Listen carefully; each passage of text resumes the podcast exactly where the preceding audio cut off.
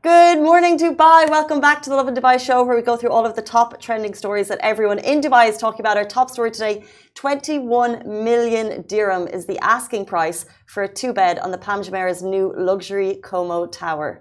The GCC could potentially implement a Schengen style visa for tourists. We're talking about the new tunnel, which has just opened for cyclists in Dubai. And Sheikh Hamdan is in Japan, and it looks like the ultimate bucket list trip. That's right. And not only is Sheikh Hamdan in Japan, look who's in studio. It's none other than Mr. Alibaba, the man behind the camera, has joined us on the show. And I'm more excited than you know about this. This is my first time, actually. How have you not been on the show before? What is? How have you I've slipped been- onto the radar? I've been on I've been on the show, but as a guest, like a few times, but or special appearances. I just put my head there. But, But you do loads of camera work. yeah, like I present in uh, like on our sister uh, channel, Smashi.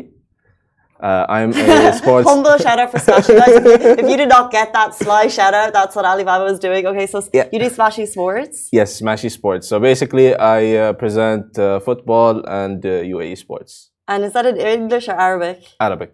Yes. So how is this going to compare? Um, uh, so this is my first time actually presenting in English. And what do you feel about a live show?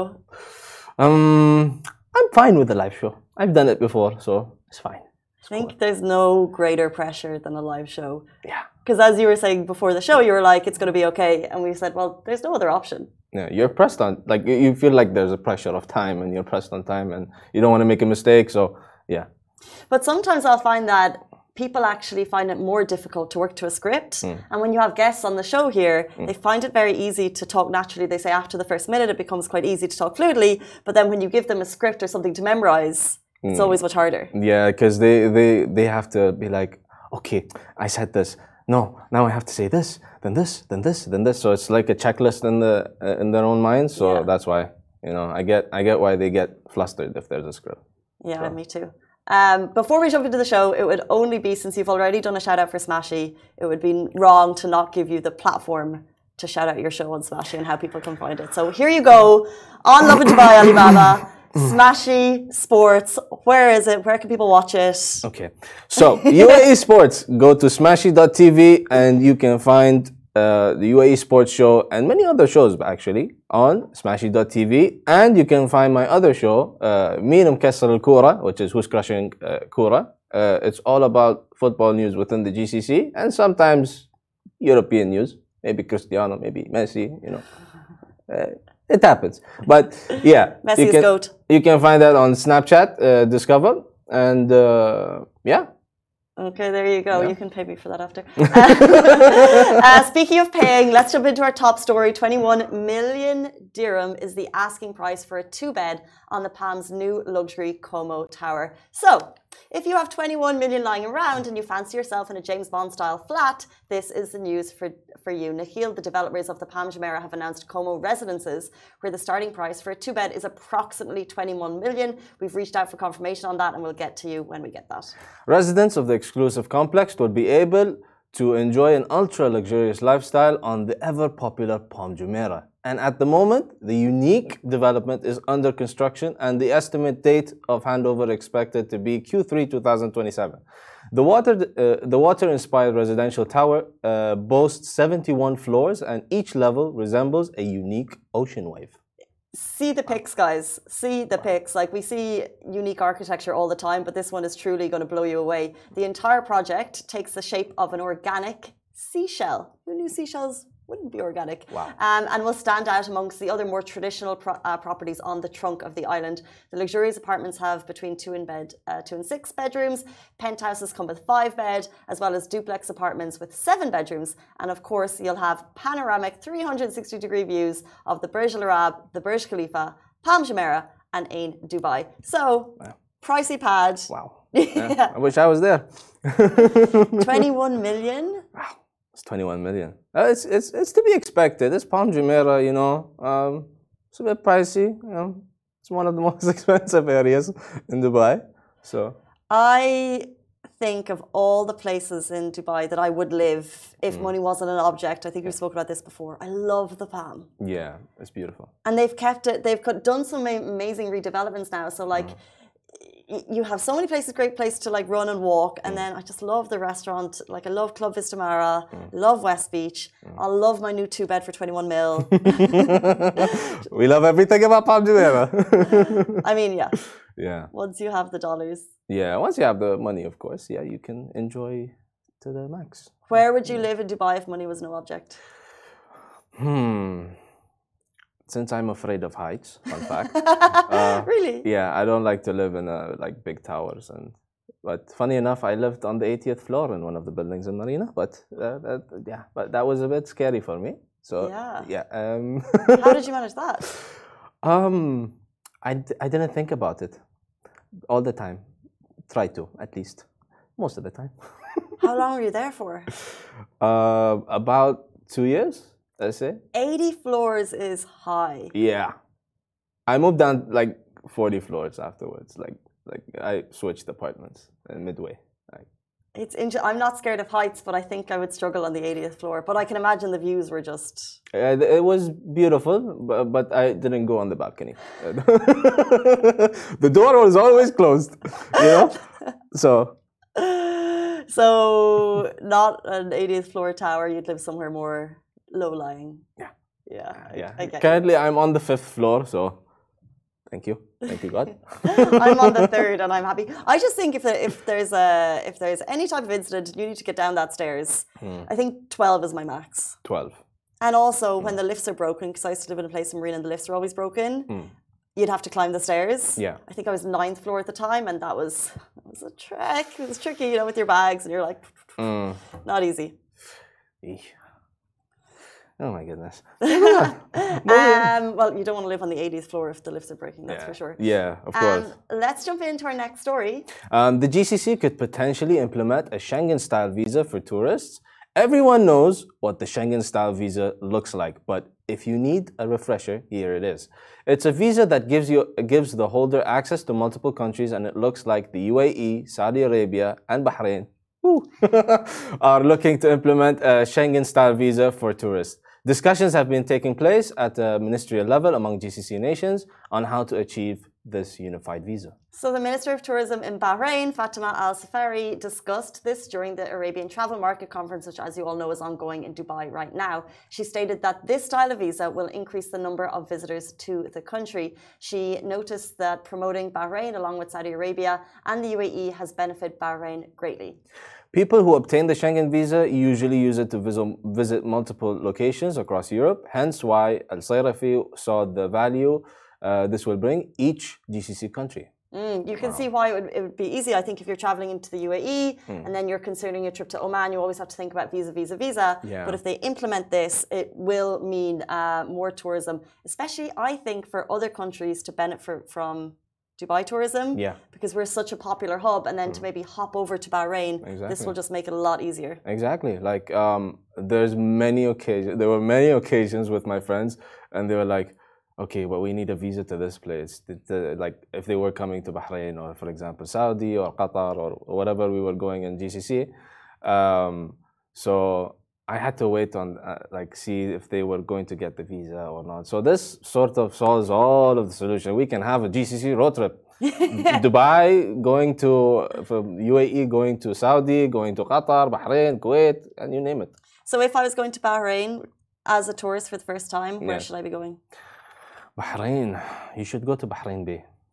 Bahrain B? Bay. I was like, it's Bahrain A. Bahrain Bay. Bahrain Bay. Bahrain Bay. Yes, it's beautiful. Um, so um, you just go there, like see the view. Um, there are restaurants over there um, that you can sit down. There's a sea view, eat, enjoy, relax with your family. Bahrain is a very chill place. You go there to relax. You know, very calm, very subtle place.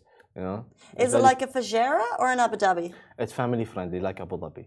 Like Abu Dhabi. Yeah, like it's very family friendly. Um, you can see the culture right in front of you, and you can live it and breathe it. Interesting. Yeah. Um, we're going to talk more about places that we can travel to for visas later in the show. Mm-hmm. Um, but speaking of families and things that you can do, a new tunnel has just opened for cyclists in Dubai. This is great news for cyclists. A dedicated route for cyclists has arrived in Meydan, and it's actually one step more towards sustainable transport in the city. It was announced by Dubai Media Office yesterday, and it was met, met with wide praise. Uh, the RTA um, has opened this specifically designed for cyclists. This tunnel. This tunnel spans 160 meters in length and 6.6 meters in width, with a capacity to accommodate approximately 800 bicycles per hour.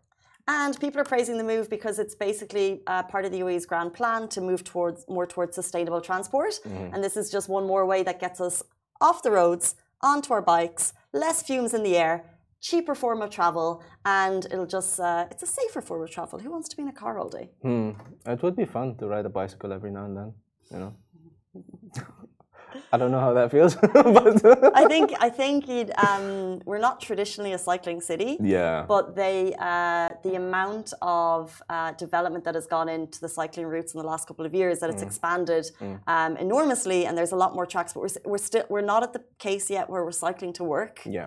But I think, like for example, we work in Production City if you live in this area, like the roads are beautiful, they're not that busy. Yeah. It could be a cycling to work area. It could. It could. It's uh like as you said, there's not much like there's not aren't many cars going back and forth, and you know it's not that busy like you would see in other areas in Dubai. Um, so they would need to implement the routes here still. Yeah. Um, to make it safe, but then we could cycle to work, or you could get out to Al Qudra at the weekend. Yeah, that too. Like Rich, he goes.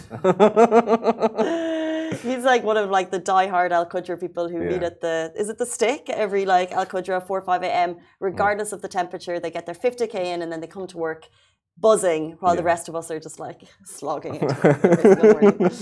um, but let's jump into our next story. His Highness Sheikh Hamdan is in Japan and it looks like the ultimate bucket list trip, and we truly mean that. Yeah. Um, the Crown Prince of Dubai is in Japan, and the footage is so cool. Everyone's going to be booking flights. He's pictured with uh, ge- ge- geisha. How the hell? Geisha? Yeah, that's how you pronounce it. Uh, enjoying unique dining coffee. Uh, it's a bucket list holiday for sure. And speaking of vis- visas, Japan has recently become a simple destination for us to visit. UAE residents can now apply for an e visa to Japan for under 100 dirhams. So if you're looking at those pictures that we shared yesterday, and actually the we shared pics of the trip. Yeah. You know, it's like someone shares like a Facebook album. So His Highness shared his pictures, we reshared them, and everyone's like they look so great. Um, but we can actually get there. Uh, not visa free, but it's very, very simple. Since March 27th, Japan's Ministry of Foreign Affairs announced the new online visa application. Also, they stated that all residents in the UAE and Saudi are eligible to visit for a short term uh, tourist e visa. Um, the general cost for the e visa is 80 dirhams. However, UAE nationals can enter Japan visa free and stay there for 30 days max. Amazing. And you can do everything as Highness did, which included, as you said, he was pictured with a geisha um, on the streets of Japan, which are just so cool and iconic. He had I'm, sushi. I'm, I, if, if I would call the like this third love of my life, um, it would be Japan. you and Ali K have like very strong interests in Japan. Why you specifically? Um, I just love the culture of Japan. Like uh, I've always been fascinated. Like uh, it's gonna be like this is funny to, to many people, maybe I don't know. Um, but I love anime, and I learned Japanese culture through anime. That made me research, and I was intrigued. You know, and what what's the do's and don'ts in Japan, basically. Two questions. Is anime a Japanese style comic book? And what are the do's and don'ts of Japan? Um, so first one, uh, anime is an animated version of manga. Manga is basically the comic book, comic books, uh, and then that's the animated version. The second point is, uh, well, the do's is uh, basically uh, Japan is very friendly. They're very uh, Japanese people are very friendly. Um, they're very polite in the way they speak. Um, you won't see them like they, they they're not very loud. So um, they're to themselves. So the the do's is basically do what you're doing here, like in Dubai, basically. But the don'ts is don't give the waiters tips. Huh. Yeah, they find that very disrespectful. Yeah. So interesting. How, how did you figure that out from anime? Um, so from anime, I researched. So uh, this is from my research, not actually from anime, because I researched on like I wanted to visit Japan, and you know, um, so I was very intrigued, and I found out that you don't pay tips. It's so saving money, uh, but it's so interesting how in different countries the tips are so different. So uh, I guess in America it runs on a tip culture because Yes. the the service industry earns so so low that like you're basically tipping Yeah. twenty percent, or you shouldn't even bother come to the you know come to the restaurant. Yeah. And then in Ireland, it's ten percent, but it's based on uh, whether or not you think the service is good. So if you think it's good, you'll give more. Yeah. And sometimes people don't tip at all. Yeah. But it's not a it's not an expectation. Mm, here is like 50-50, you know, in Dubai. It's like you want to tip, tip, but don't want to tip, don't tip. I think that's because we're such a multicultural society Yeah. that there's no expectation. And I think um, I think if there's good service, it's great to tip. And actually, Yeah. just based on people's salaries, it's great to tip. Yeah. Um, but you know, and I actually think this is nice. It's the the service industry. It's not an expectation, Mm. and therefore they don't have that like. Sometimes I find like if there's an expectation to tip, there's nearly like a fake camaraderie that you could have with service industry people, and it's like it's like a transaction type thing. But because there's no expectation, I don't find that fakeness here, which I think is kind of nice. Yeah, yeah. Like in, in uh, and uh, it's so multicultural here that that you would you wouldn't put a norm basically in Dubai. You know, wouldn't put a. a norm like um, There's no percentage. yeah, basically. Yeah. Um, but yeah, going back to Japan, it's beautiful. It's beautiful. I tried to convince my, uh, you know, my fiance to go there for our honeymoon, but no, no. You you have to learn. You're not going to call the shots anymore. Yeah, I know. Where does she want to go? Um, Bali, Could you do both? no. I wish, but no, no. Well, I mean, you could do Bali this year and Japan next year. Yeah, that's the plan. Like uh, the next trip would be Japan, but yeah, uh, Japan is a bucket list. It should be a bucket, like on your bucket list. Everyone, it's beautiful. Go to Japan. Have you been? Um, no. Yeah. But I've seen pictures, videos, people like you know the vlogging, uh, the vloggers, uh, uh, the travelers, basically. The Sana Sheikh Hamdan. yeah, uh, Sheikh Hamdan, your biggest example as well. yes. Um, beautiful pictures, beautiful pictures. It's cherry blossom season. I'll tell the story again. It happened that I had my flights booked and COVID happened, so I couldn't go. Um, so it's massively on my bucket, bucket list too. Guys, it's 8.53 and you're about to start your day and we're about to also start ours. Alibaba, massive thank you for joining the show this morning. Thank you. It was my pleasure. It was fun. Legend is born. Uh, guys, that is all we have time for on the Lovin Dubai show. We're back with you every single weekday morning and we appreciate your time so much. So thank you for tuning in. We'll see you tomorrow morning, same time, same place. Bye bye. Bye bye.